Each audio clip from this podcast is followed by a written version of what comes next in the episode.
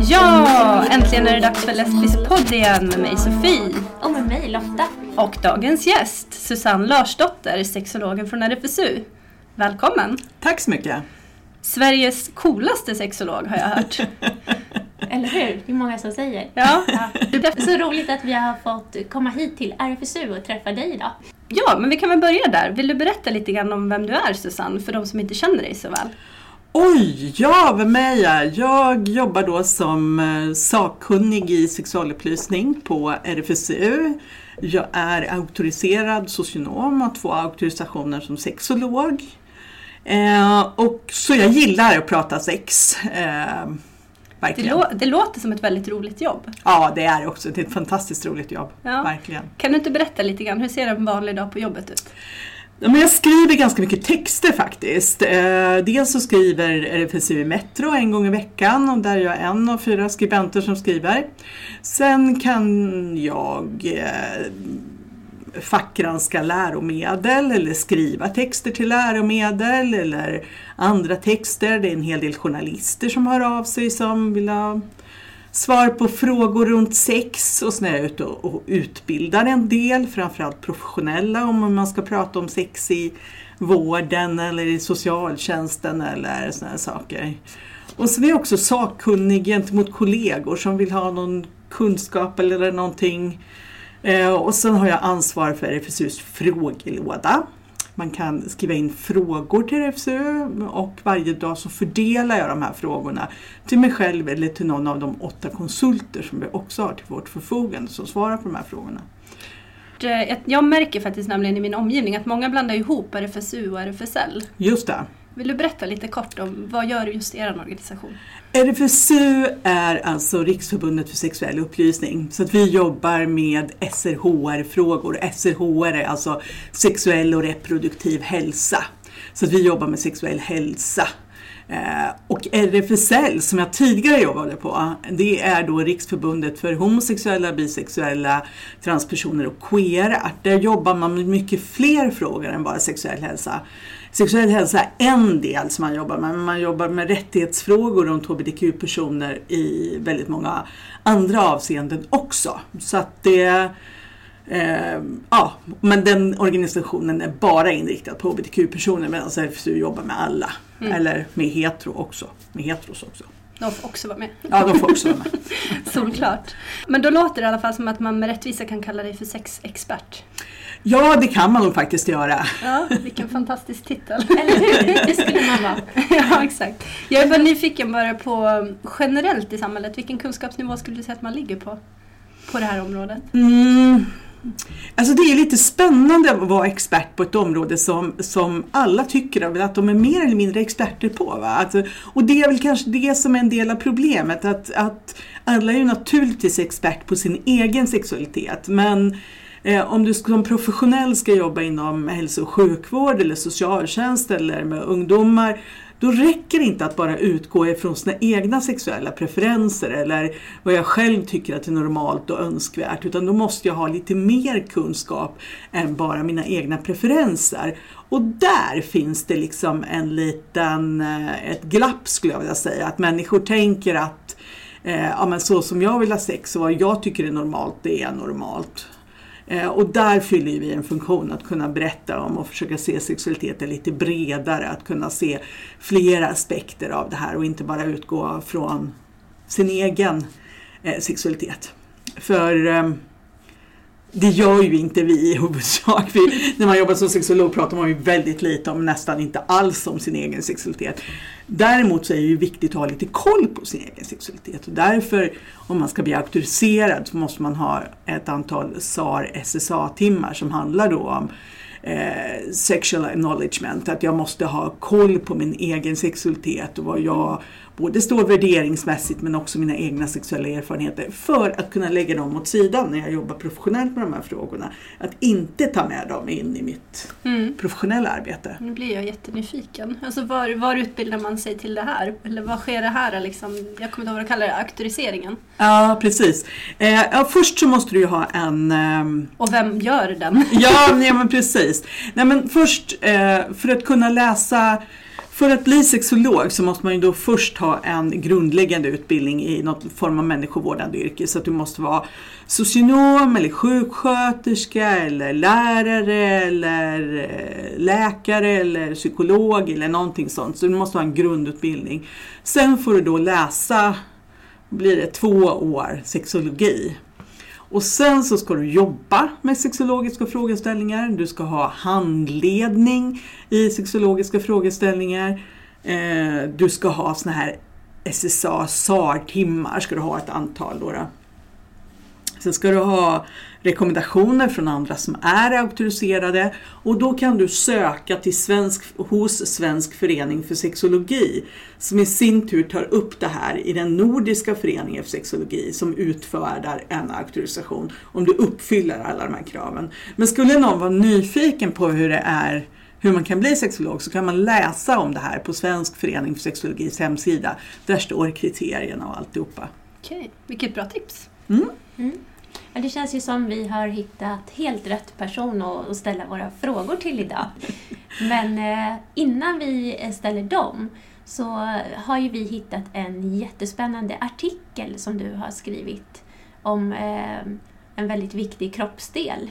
Just det. Och den tänkte vi fråga dig lite mer om. Mm. Du har nämligen skrivit en, en artikel om klitoris historia i Precis. tidningen Metro. Ja. Och den var väldigt intressant tycker jag.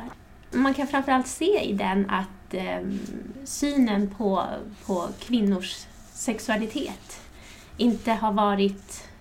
Den har hamnat ganska långt bak i, i prioriteringsordningen känner man historiskt. Som kvinnan själv tänker jag spontant. Ja, jo. Precis. Kanske inte heller alltid högsta prioritet. Men, men det här var väldigt spännande. Du har delat upp den här lite i, i olika tidsperioder här. Hur man har, hur man har sett Eh, på klitoris. Så jag tänkte, om du vill ta oss igenom den här eh, artikeln och, och berätta här. Eh, för den, den börjar ju väldigt spännande med eh, rubriken här Alla har penis. På, eh, från, från dåtid fram till 1500-talet. Just det. Alltså kvinnor hade också penis då på, på 1500-talet. Ja, alla hade en penis. Det var Ja. bara, skillnaden var bara att den kunde eh, vara utåt eller inåtvänd. Så att man, man Just. tänkte liksom att penis hos kvinnor den liksom gick inåt istället och penis för män då, den gick utåt. Eh, men det där var inte riktigt stabilt heller. Va? Så att, att man skulle passa sig som kvinna att göra allt för häftiga rörelser och sådär. För då kunde den ju trilla ut. Ja, gud ja. Och eh, män kunde, hos män kunde den också dra, dras in. Eh, så att ja, man fick vara lite eh, försiktig där så att den inte tog vägen någon annanstans än där den skulle vara. Inte hoppa så mycket kanske. Alltså jag tänker att det hade kunnat vara spännande att man kunde välja lite. Så här, nu vill jag vara man, nu vill jag vara kvinna. Då följer jag ut den, följer jag in den. Så kan man, kan man få lite omväxling i sitt sexliv. Ja men Liksom. precis. Okej, men, men sen då. Eh, någon gång här under 1500-talet så är det någon som i alla fall upptäcker det här organet. Klitoris. Exakt, och det är ju så spännande att man liksom redan då på 1500-talet på det här eh, universitetet Padua i Italien eh, så, så skriver man att, att det, det finns ett organ som i allra högsta grad är hemvisten för kvinnans njutning och också att den liknar faktiskt penisen fast den är mindre. Och här pratar man till och med om klitoriserektion, vilket är så himla spännande för det har ju liksom försvunnit under en så lång del av historien. Och här pratar man då om att, att eh, om du rör vid den ska du finna att den blir aningen styvare och avlång till en sån grad att det ter sig som en slags manslem. Men den här Columbo då, han eh, hade en slags handledare eller läromästare som tyckte att det här var bullshit bara. Eh, och hänvisade och sa till Columbo att du måste ha tittat på någon eh, väldigt missbildad eh, person. Så att det här liksom föll i glömska och slog egentligen aldrig igenom. Fast det var liksom nydanande forskning som stämde på pricken. Okej, så den här läromästaren han kan aldrig ha haft sex med någon kvinna egentligen? Han visste inte att alla såg ut så. Nej, alltså det är det som är det lite intressanta i den här historien också. För det, här, det som jag har tittat på det är ju vad, vad medicinsk litteratur och annat har eh, har skrivit om. Sen kan jag ju tänka mig att jag menar, kvinnor väl i alla tider har väl haft liksom någorlunda koll på sin egen fysiologi och kunnat känna att det finns någonting där. Men, men vad som har blivit bekräftat och beskrivet i medicinsk litteratur det skiljer sig åt. Sen ska vi ju alltid komma ihåg att vi, vi tolkar ju alltid vår kropp utifrån vår egen tid och vi eh, de här sociala konstruktionerna är väldigt svåra att, att inte förhålla sig till. Mm. Eh, och det gör ju att man kanske inte lägger märke till vissa delar som inte benämns eller beskrivs på något sätt heller. Mm. Det måste ju också skapa en osäkerhet tänker jag eftersom det kanske inte är det självklaraste ämnet som man pratar om. Liksom. Nej, Och det kan ju precis. göra att även om du tycker dig känna någonting så kan Ja. du inte riktigt få det bekräftat Exakt. och så vidare. Exakt. Men efter den här upptäckten då, eh, som, som inte eh, blev så populär då tydligen, så eh, förstår jag det som att under 1600 och 1700-talet så fick inte klitoris så mycket uppmärksamhet alls. Nej, den nämns någon gång men, men ges ingen uppmärksamhet. Man skriver inte om det och man, man liksom nej, bryr sig inte speciellt mycket om klitoris. Och sen eh, 1844, då hände någonting här. Då händer det någonting. Då är det en medicinare som heter Kobelt som beskriver klitoris i struktur och funktion in i minsta detalj. Det som, eh, ja, nu ska vi inte gå historien i förväg, men det som först görs mycket senare finns det alltså väldigt fina detaljrika anatomiska bilder på hela klitoris storlek. Den här som är mellan 8 till 10 cm lång finns det alltså fantastiska anatomiska bilder från 1844 alltså. Eh, och sen är det ju så otroligt eh, intressant att det ändå fall, faller i glömska. Och han säger ju till och med att eh, klitoris yttre del och ollonet på klitoris är mer känsligt än slidan. Så då finns ju den här kunskapen om att, att kvinnor eh, behöver få den här stimulansen direkt på klitoris ollon för att få bäst sexuell stimulans. Ändå försvinner det. Tror du att det är slumpen? Nej, det är självklart att det inte är Lite slumpen det. provocerande sådär. Nej, nej. Eh, jag kanske inte tror att det är någon liksom, eh, konspirationsteori men det, alltså, kvinnor och kvinnors sexualitet har ju aldrig varit sådär jätte... Mm, mm, Eller det har ju aldrig varit ett ämne att prata om utan det har ju inte varit intressant. Så jag tror inte att det är någon liksom så att man medvetet har försökt att mörka det utan det har helt enkelt varit totalt ointressant. Och det är lite märkligt ändå för att, för att tidigare så hade man ju också synen på att, att för att en kvinna ska kunna bli gravid så måste båda få orgasm. Så det har ju ändå varit viktigt för kvinnor att uppnå orgasm för annars kunde de inte bli med barn. Eh, att det finns en bild, men, men eh, hur hon skulle få orgasm har liksom aldrig varit sådär uttalat, åtminstone inte i den medicinska litteraturen. Sen vet vi ju inte riktigt vad folk har gjort i stugorna själva. Det, det, de kanske hade stenkoll på det här. Ja, ja men det, det är spännande egentligen. Så, så klitoris upptäcks egentligen då först där en gång på 1500-talet. Upptäcks igen kan man säga, eller kartläggs eh, bättre på 1844. Och sen så försvinner kunskapen igen. Eller, eller till och med, jag läste här att man trodde att klitoris var farlig till och med om man började operera bort den. Och, Exakt, alltså det, det, det blir så att, att man tänker att eh, klitoris ger, eh, eh, ja verkligen är direkt farlig och att man, eh, att de här eh, att man kan bota vissa sjukdomar genom att ta bort klitoris, epilepsi, såna här eh, kramper trodde man att skulle kunna botas om man tog av det. Och sen börjar, ju- börjar ju det här med hysterin också. Jag Liksom. måste fråga, ska man av ollonet på männen då också? Nej, Samma- nej, nej, naturligtvis inte. Nej, men eller hur? Nej, nej utan... logiskt.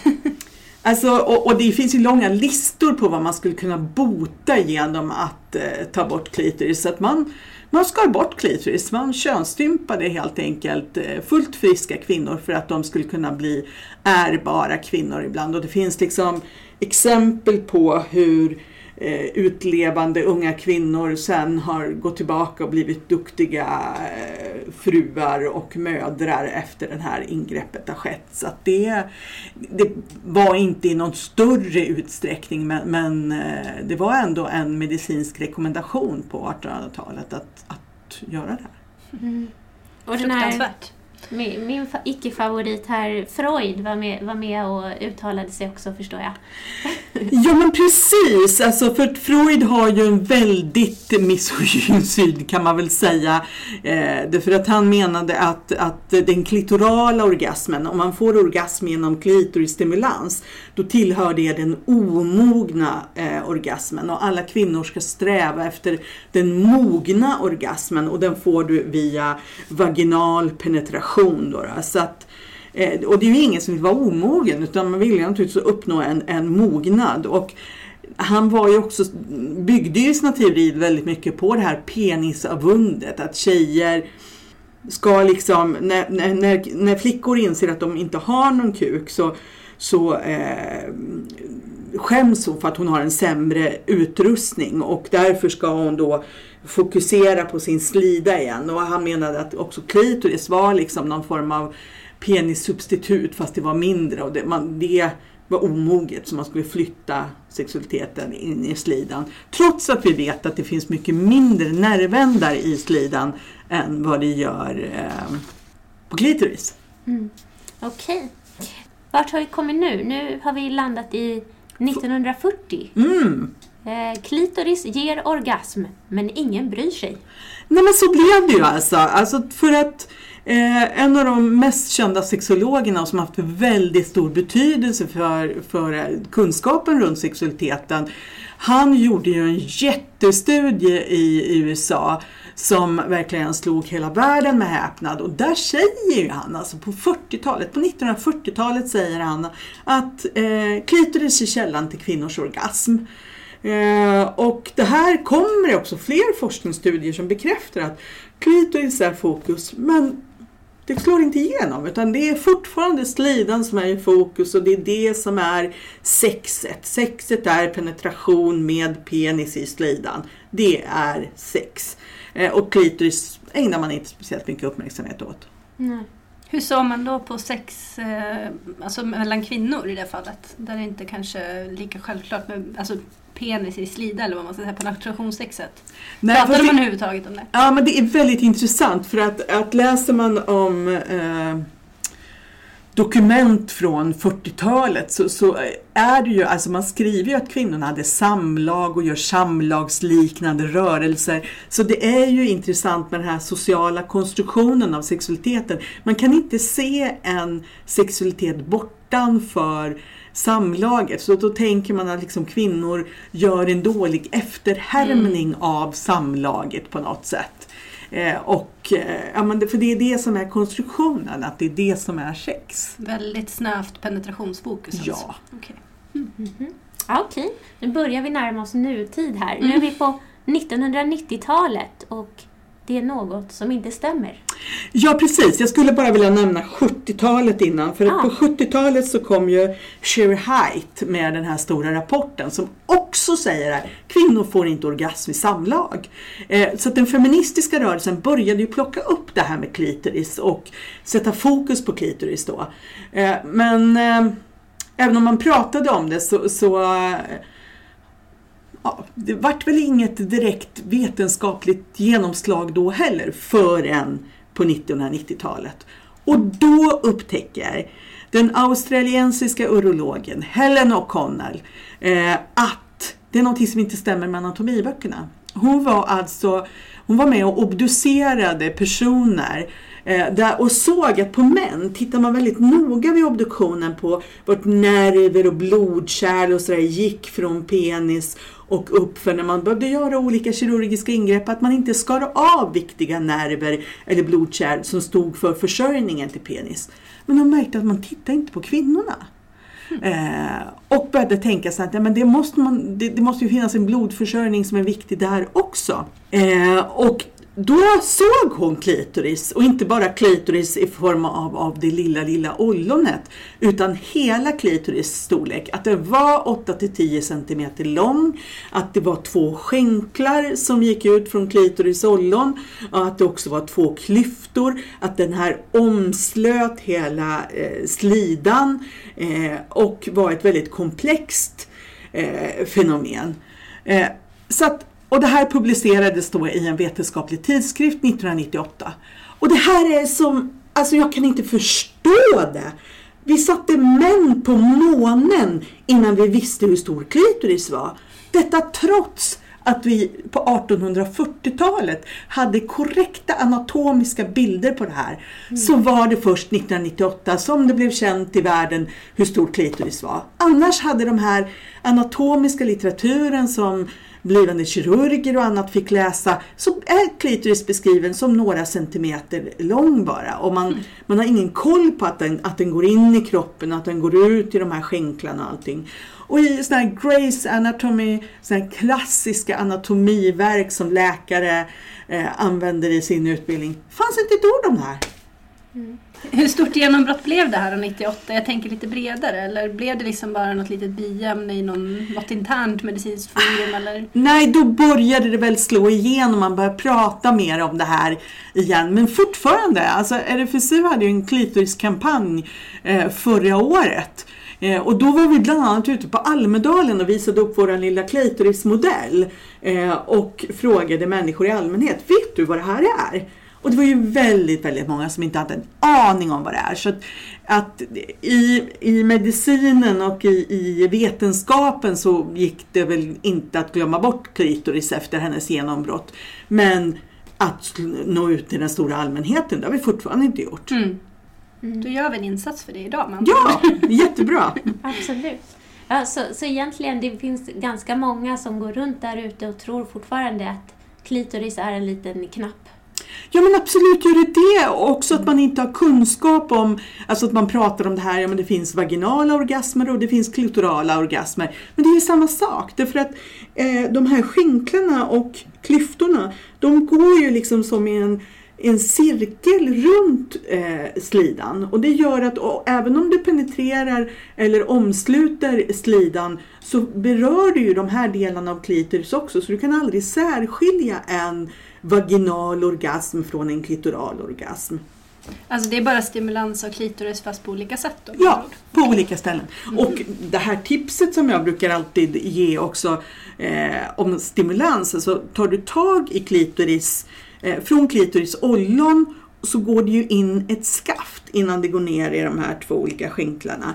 Så du kan ju alltså, om du toppar pekfingret och tummen eh, och tar tag i din egen klitoris, liksom där en bit ifrån ollonet så kan du ju känna ett litet skaft. Och det här skaftet är ju väldigt fascinerande för där kan du ju alltså runka fram och tillbaka. Genom att dra skaftet fram och tillbaka så kan du liksom runka klitorisskaftet genom att dra förhuden fram och tillbaka. Också en sån här orga- eller vad säger, onaniteknik som väldigt många inte känner till. Eller för all del någonting som du kan göra med, med din partner. Att runka klitorisskaftet lite grann fram och tillbaka.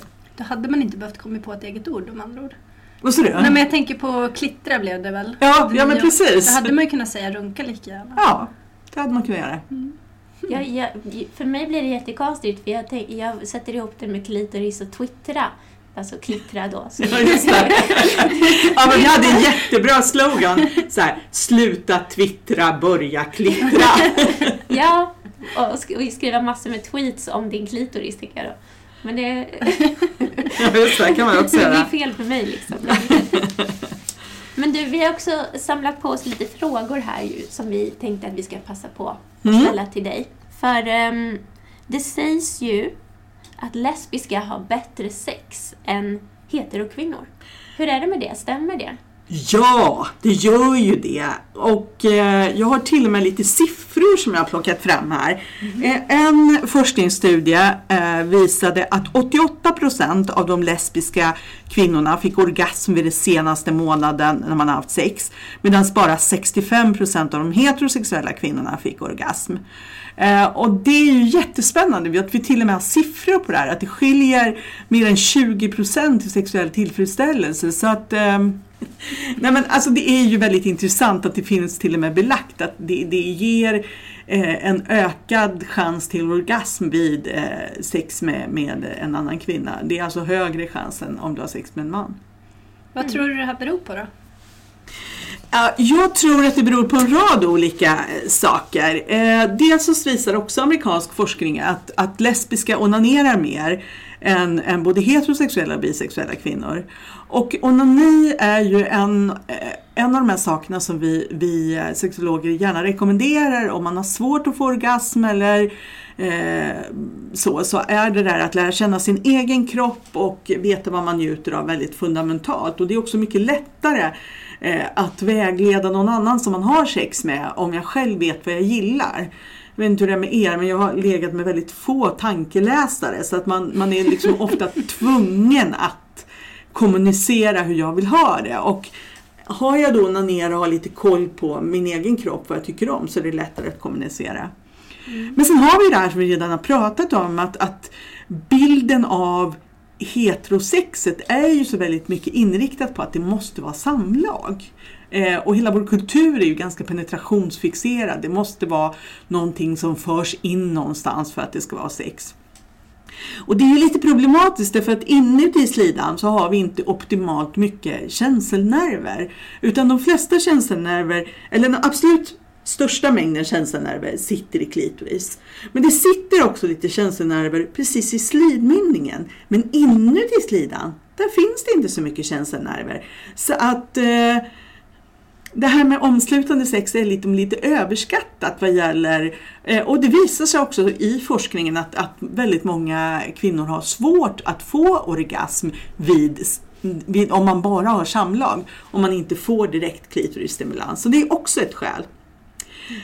Sen tycker jag att det är en jättespännande sak med kvinnor som har sex med kvinnor som jag tycker att, att hetero eh, par och andra konstellationer behöver lära sig av. Och det är att man har sett att, att kvinnor som har sex med kvinnor jobbar mycket med turtagning. Alltså man har inte drömmen av den samtida orgasmen. Utan jag kan tillfredsställa dig en stund och så kan du tillfredsställa mig. Att det blir en turtagning och att det är självklart att det är inte bara jag som ska ge dig utan jag förväntar mig också någonting tillbaka. Och det där tycker jag, varför anammar vi inte mer det där mer i, i, liksom, i andra konstellationer också? Att, ah, men nu fokuserar jag på dig en stund här så kan du fokusera på mig en stund och inte tron på att det heliga samlaget ska, ska frälsa oss alla utan att vi kan behöva olika eh, stimulans. Vi vet också genom forskning att oralsex eh, ger större chans att uppnå orgasm. Alltså faktum är att det finns en studie som säger att oralsex plus fingrar ger mycket bättre förutsättningar än penis i slida att få orgasm. Och vilka är det som håller på med fingrar och oralsex i större utsträckning? Jo, kvinnor som har sex med kvinnor. Så man har liksom verkligen slagit huvudet på spiken till att använda tekniker som bättre funkar. Flatten har fattat grejen. Ja, man har fattat grejen verkligen. Eh, och dessutom så, så, förväntar sig kvinnor som har sex med kvinnor att få orgasm. Alltså många heterokvinnor liksom vet att, att jag kanske inte når orgasm och nöjer sig också med att nej men det gör ingenting om inte får orgasm. Så det kan ju vara mysigt att vi har sex i alla fall. Medan kvinnor som har sex med kvinnor har lite högre krav. Tänker att ja, men jag vill ju också ha orgasm i det här. Mm. Dessutom är vi uthålligare. nej men det har ju alltså visat sig att eh, sexakten mellan kvinnor är längre eh, hos lesbiska och kvinnor som har sex med kvinnor än heterosexuella par. Finns det siffror på det också? Ja, det gör det faktiskt. Eh, kvinnor som har sex med kvinnor håller i genomsnitt på 30-45 minuter medan eh, par i andra typer av relationer håller på med mellan 15 30 minuter. Eh, så det är också lite intressant. Det är ganska stor skillnad mm. om det är genomsnitt. Sen är det ju en sån här sak också att, att eh, många cis-kvinnor som har se- sex med män eh, kan ju vara rädda för att bli gravida och eh, det sätter ju liksom hinder i vägen för att man hela tiden tänker på att ja, men kan jag bli gravid och det slipper man också. Dessutom att Ska vi jättekort bara förklara CIS-begreppet? Ja, cis betyder alltså eh, på samma sida. Det betyder att man, man har samma eh, könsidentitet som man har biologiskt kön, som socialt kön och som eh, Typ upplevt kön väl? Ja. Så det är liksom det är samma sak. Man är inte en transperson utan man är en cis-person. Och till sist då, kreativitet och experimentlusta men också tålamod eh, har man visat att eh, är mer utmärkande för kvinnor som har sex med kvinnor. Och återigen, liksom, det finns inte det här starka manuset, liksom skriptet för hur sexet ska se ut eh, är inte lika eh, starkt. Därför att Tittar vi på, på det heterosexuella skriptet så är det förspel, eh, om man har tur. Eh, det är samlaget och lite efterspel om man har tur det också. Liksom. Det är så skriptet ser ut och det måste liksom alla heterosexuella på något sätt förhålla sig till. Men tala om för mig hur skriptet för, för kvinnor som har sex med kvinnor ser ut. Nej, det finns inget lika självklart skript där. Det kan se ut på väldigt många olika sätt och det kan inkludera oralsex men det behöver inte inkludera oralsex. Så det, finns en större eh, kreativitet och experimentlusta att göra olika saker. Kan det finnas en baksida med det tänker jag? Alltså att man kanske skapar en viss osäkerhet där också, att man inte riktigt vet. Var börjar man? Hur gör man? Jag tänker för de som kanske inte har så mycket erfarenhet. Absolut, och det där är ju också eh, väldigt spännande för att när man pratar om kvinnor som har sex med kvinnor så, så finns det ju fortfarande en uppfattning om att ja, men kvinnor knullar väl inte liksom. Alltså om en tjej som har sex med en annan tjej, vad blir det då? Lite smet, smeksex och det blir väldigt lugnt och det är liksom väldigt fint och, och det, ja, man knullar inte. Utan att man smeker varandra lite lätt. Va? Alltså, och, jag menar, det är ju en lite lätt underdrift att, att man inte Ja, eller så pratar man om sig själv. Nej, men eh, alltså det finns någon så här uppfattning om att det går så himla lugnt och fint till och det är, alltså det är inte den här häftiga kåtheten och det är klart att, att det här kan göra en jätteförvirrad eller bara veta liksom för det finns ju också någon myt om men är du kvinna så vet du ju vad en annan kvinna vill ha. Nej, det kanske jag inte riktigt vet. Så att, och vi pratar ju så lite om det här. Och det gör ju att många som är på väg ut ur garderoben eller har funderingar på det här inte har en aning om eh, riktigt vad, vad förväntas av mig. Och därför är det jätteviktigt och jättebra att ni också tar upp det här med sexuella praktiker. Mm. Jag tänkte lite på, apropå orgasmer igen då. då. Kan man utifrån forskningen liksom komma fram till några så här generella tips? Kanske inte någon metod som funkar alltid och på alla, men ändå någonting så här bra att tänka på. Eller prova det här så kanske du har större chans att lyckas. Ja, det är ju klitorisstimulans. Klitorisstimulans är A och O. Alltså får du inte klitorisstimulans så har du så otroligt mycket svårare att uppnå orgasm. Eh, och ofta räcker det inte med den här indirekta klitorisstimulansen, att du stimulerar klitoris via slidan bara, utan du behöver den här direkta stimulansen direkt på klitorisollon. Sen är vi lite olika känsliga, så att även, du kanske inte kan gå direkt på, nu lägger jag mig bakåt här och demonstrerar i radio. Väldigt illustrativt. Eh, nej men alltså du kanske inte kan gå direkt på klitorisollon men, men då kan det ju vara på klitorisskaft, du kan liksom cirkla runt. Men, men alltså klitoris är verkligen A och O. Den här stimulansen på klitoris behövs. Eh, sen kanske inte alltid direkt men, men liksom klitoris, ja det är verkligen hemligheten och det, det är därför det är så tragiskt den här historien om hur klitoris har varit bortglömd också. Och det spännande med klitoris är ju också att i och med att den, att den går ut eh, i kroppen så går också nervändar in på insidan av låren. Det gör alltså att du kan klämma lite hårt på insidan på låren och plötsligt så känner du liksom hissen går upp. Hopp! Nu kändes någonting i klitoris när jag klämmer på insidan av låren. Och det är ju inget hokus pokus utan det beror ju på att från klitoris går jättemycket nervtrådar ut och vissa av dem går ut i låren. Så att du kan alltså sitta och klämma på insidan av låren och stimulera klitoris, vilket också är så fascinerande. Så på ett sätt är det nästan missvisande att tänka att klitoris är 8-10 centimeter. Ja, För räckvidden är mycket större. Precis, och så tänker jag också att klitoris, alltså det blir ju lite märkligt när vi egentligen plockar ut en kroppsdel ur kroppen och pratar om den bara här, för den sitter ju i ett koncept liksom, där, där naturligtvis slidan också har, fyller en viktig funktion och, och det finns mycket runt om och erogena zoner och sådär. Så att, ja, det blir ju lite märkligt när vi plockar ut ett organ ur sitt sammanhang, för det är naturligtvis skönt att bli stimulerad på andra områden också. Mm.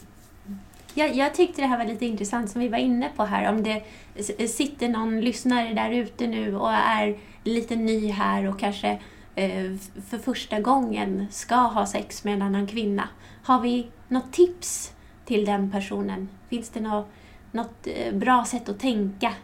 Eh, Ja, men jag tänker fortfarande att liksom eh, lite kan man ju utgå till vad jag, hur jag tycker att det är skönt att bli eh, smekt. När jag smeker mig själv eller någon annan har smekt mig. Kan, kan det vara så att den här eh, personen som jag ska ha sex med också kan gilla det där? Men, men grejen är att, att Oavsett vilken sexuell läggning du har, oavsett vem du ska ha sex med, så behöver du prata om det. Och det är det svåraste, alltså heterosexuella eller homosexuella eller vad som liksom.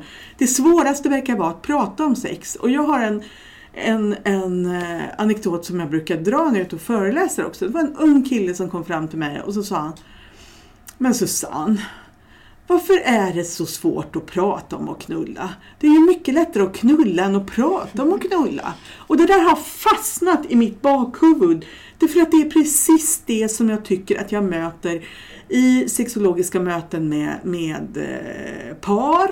Eh, i det mesta av rådgivningsarbetet, alltså människor som kanske har levt tillsammans i 30-40 år, kan fortfarande tycka att det är jättesvårt att prata om hur man har sex.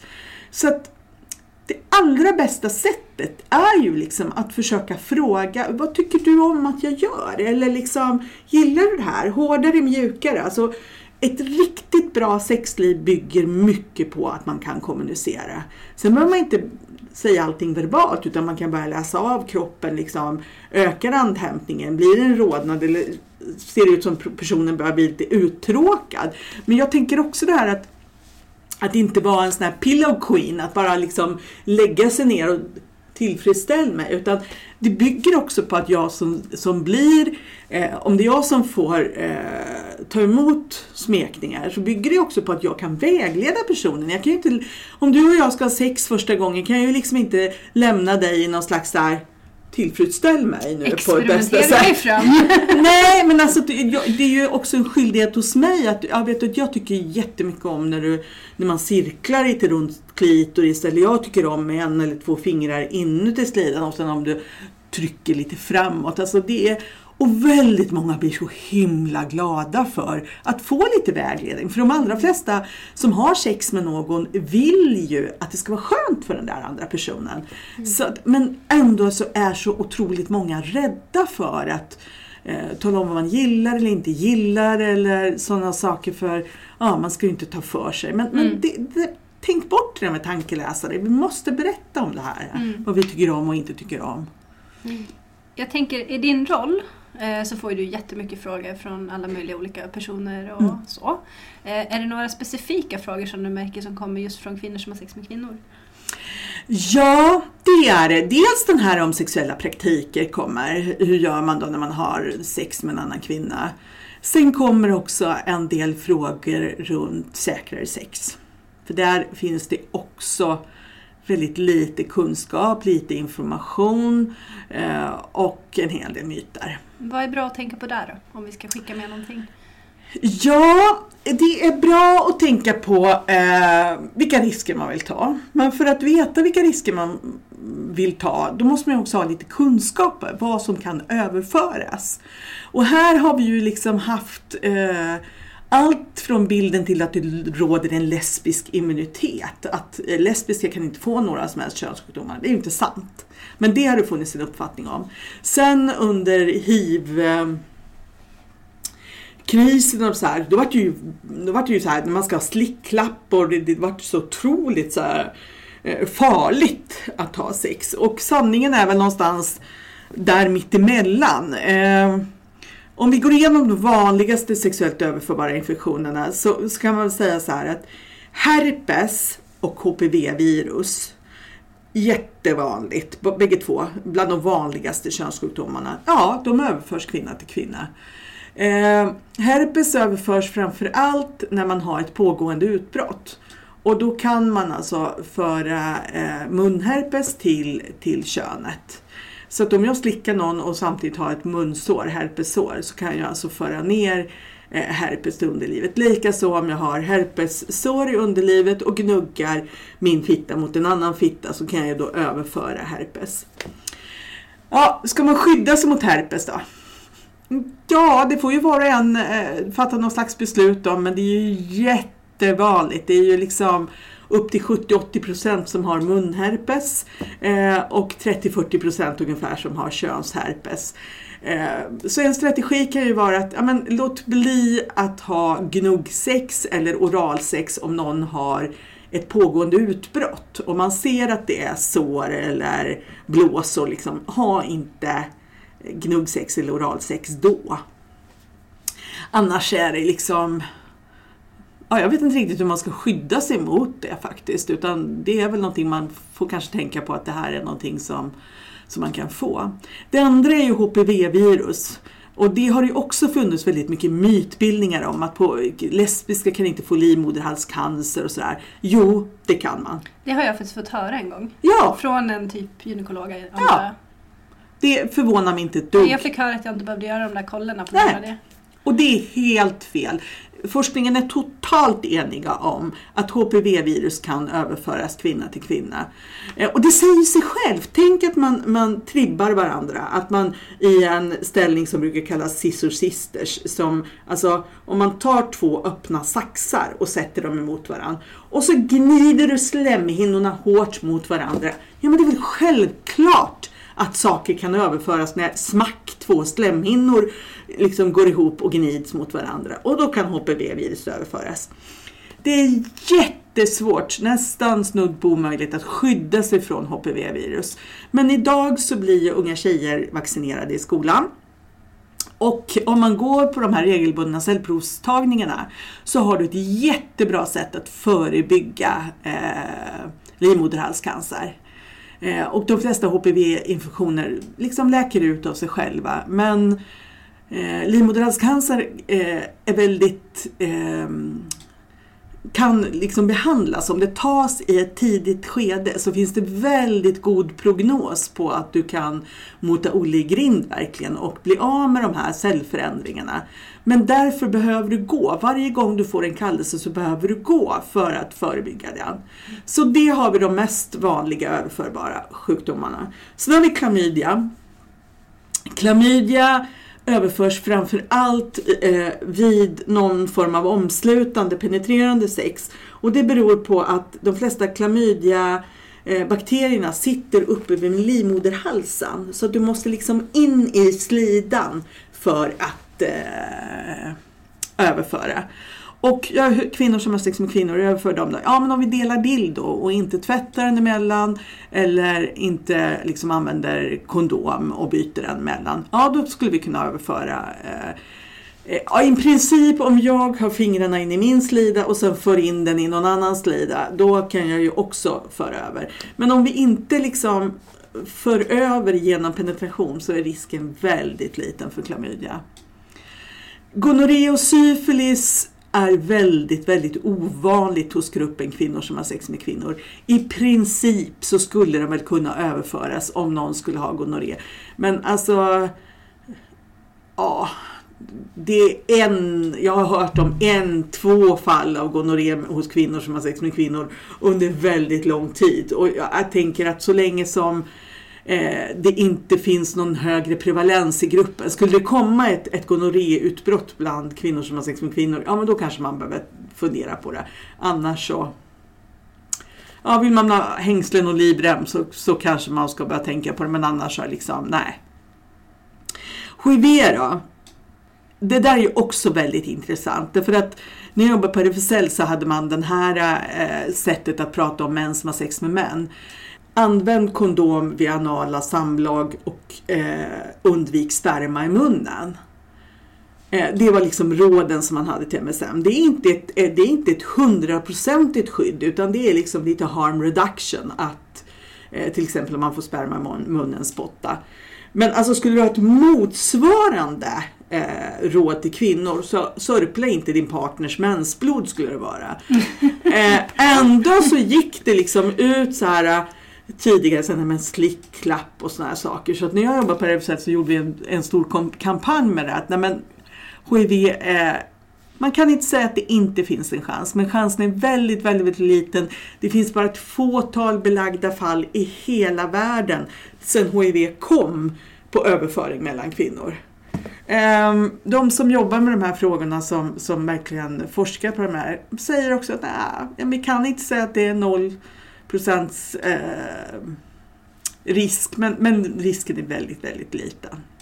Så jag tänker, eh, det man behöver tänka sig för det är ju liksom, ja men ha inte, omslut, eller, ha inte omslutande sex och dela på sexleksaker om du inte vet statusen på din partner. Undvik att få blod i munnen på någon som, som du inte vet statusen på. Eh, undvik att ha gnugg eller gnid eller oralsex om du ser synliga sår eller blåsor. I övrigt, kör på.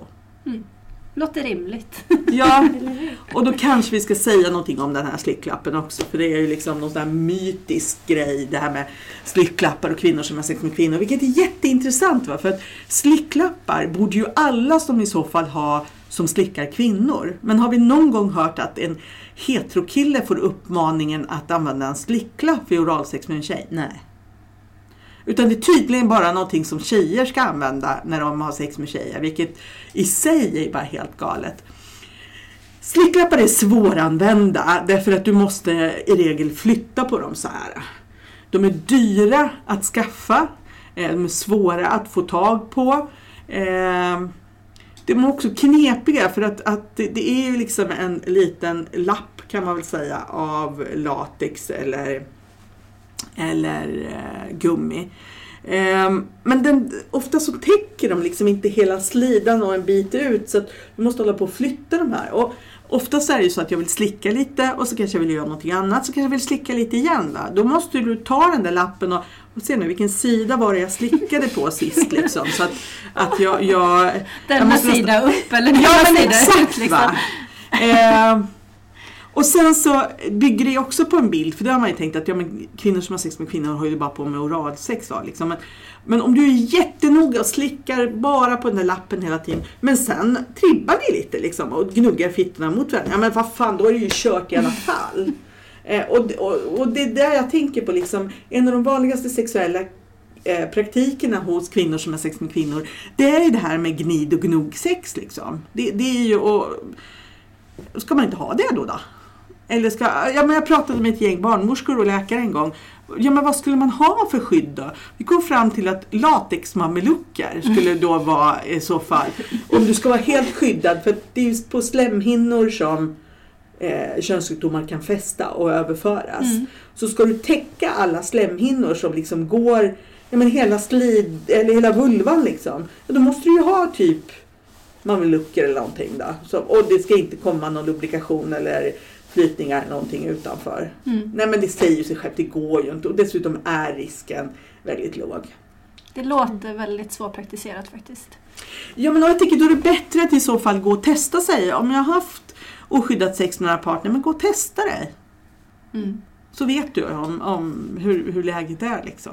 Gå och testa dig så slipper du vara orolig helt Ja, enkelt. det är väl Precis. ett jättebra tips. Ja. Ska vi försöka sammanfatta vad vi har eh, pratat om nu då? Vad, eh, vad, vad alla lesbiska där ute som vill ha bra sex ska tänka på. vad har vi sagt? Fokus på klittan. Just det. Det Och- får jag med mig. Obs! Klittan är stor Ja, och precis. har många nerver som Mer går långt knapp. ut. Exakt. Massera lår. Ja, exakt. Det kan man Eh, prova. Vad sa vi mer? Prata med varandra. Prata med Kommunikation. varandra. Absolut. Superviktigt. Mm. Och är du orolig för sjukdomar, först hand testa dig. överdriven till skydden kanske. Mm. Men sunt förnuft kommer man ju långt med för det mesta. Mm. Är det något mer vi missade nu Susanne, eller har vi fått med allt? Ja, men jag tycker det var en bra sammanfattning. Mm. Klittarna och Klittarna och med, med de orden avslutar vi dagens avsnitt av eh, Lesbisk podd. Tack så jättemycket Susanne för att vi fick komma hit och prata med dig. Tack själva! Kul att få vara med. Och vi är snart tillbaka, eller hur Sofie? Yes, det är vi. Ja. Tack och hej! Ha det bra tills dess. This is the lesbian pod.